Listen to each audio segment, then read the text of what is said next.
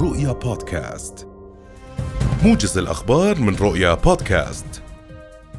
يعقد مجلس النواب في هذه الأثناء جلسة تشريعية لاستكمال مناقشة قرار لجنة الاقتصاد والاستثمار المتضمن مشروع قانون معدل لقانون ضريبة المبيعات لسنة 2021 وإلى خبر آخر حيث أكد مستشار رئاسة الوزراء للشؤون الصحية مسؤول ملف كورونا الدكتور عادل بلبيس اليوم أنه لا عودة لأي إجراءات تقييديه بسبب كورونا داعيا إلى ضرورة الالتزام بارتداء الكمامة في المناسبات والأماكن المكتظة.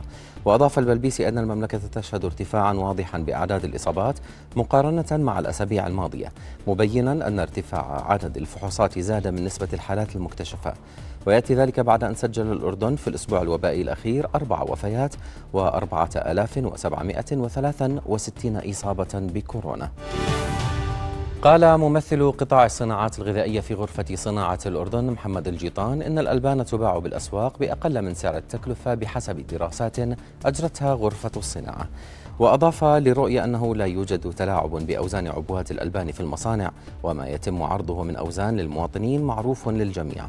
موضحا أن تحديات كبيرة تواجه هذا القطاع تتمثل في ارتفاع كلف الإنتاج وارتفاع أسعار المحروقات والكهرباء وغيرها مبينا أن من حق الشركات تحقيق هامش ربح معين للحفاظ على ديمومة عملها. قالت مديرة الإعلام والاتصال في هيئة تنظيم قطاع النقل البري دكتورة عبلة وشاح أن الهدف من الدعم الحكومي لقطاع النقل العام هو عدم رفع الأجور على المواطنين. وأضافت وشاح أن آلية الدعم تمت بالشراكة مع النقابة وأن قيمة الدعم أقرت حسب الكلف التشغيلية موضحة أن ارتفاع أسعار المحروقات لأكثر من مرة أثقل كاهل المواطنين والسائقين على حد سواء.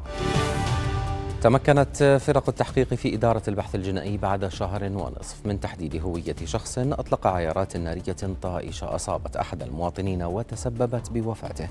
الناطق الإعلامي باسم مديرية الأمن العام قال إن بلاغا ورد إلى مديرية شرطة محافظة إربد في العاشر من حزيران الماضي يفيد بإصابة ثلاثيني بعيار ناري طائش تسبب بوفاته. مؤكدا أن المختبرات الجنائية تمكنت من تحديد السلاح الذي خرج منه العيار الناري. وضبطت مالك السلاح الذي كان مشاركا بمناسبة في منطقة مجاورة لموقع الإصابة. اقتحم مستوطنون متطرفون صباح اليوم المسجد الأقصى المبارك من باب المغاربة بحماية مشددة من قوات الاحتلال الإسرائيلي.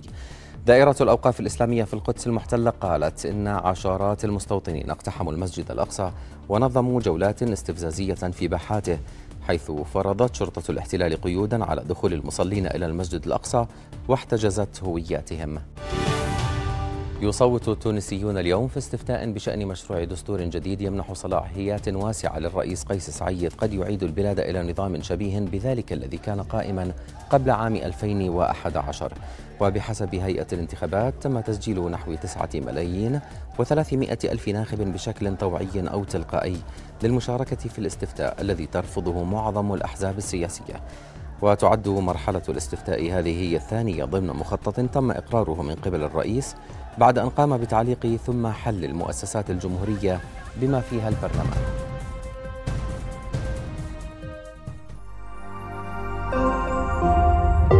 رؤيا بودكاست.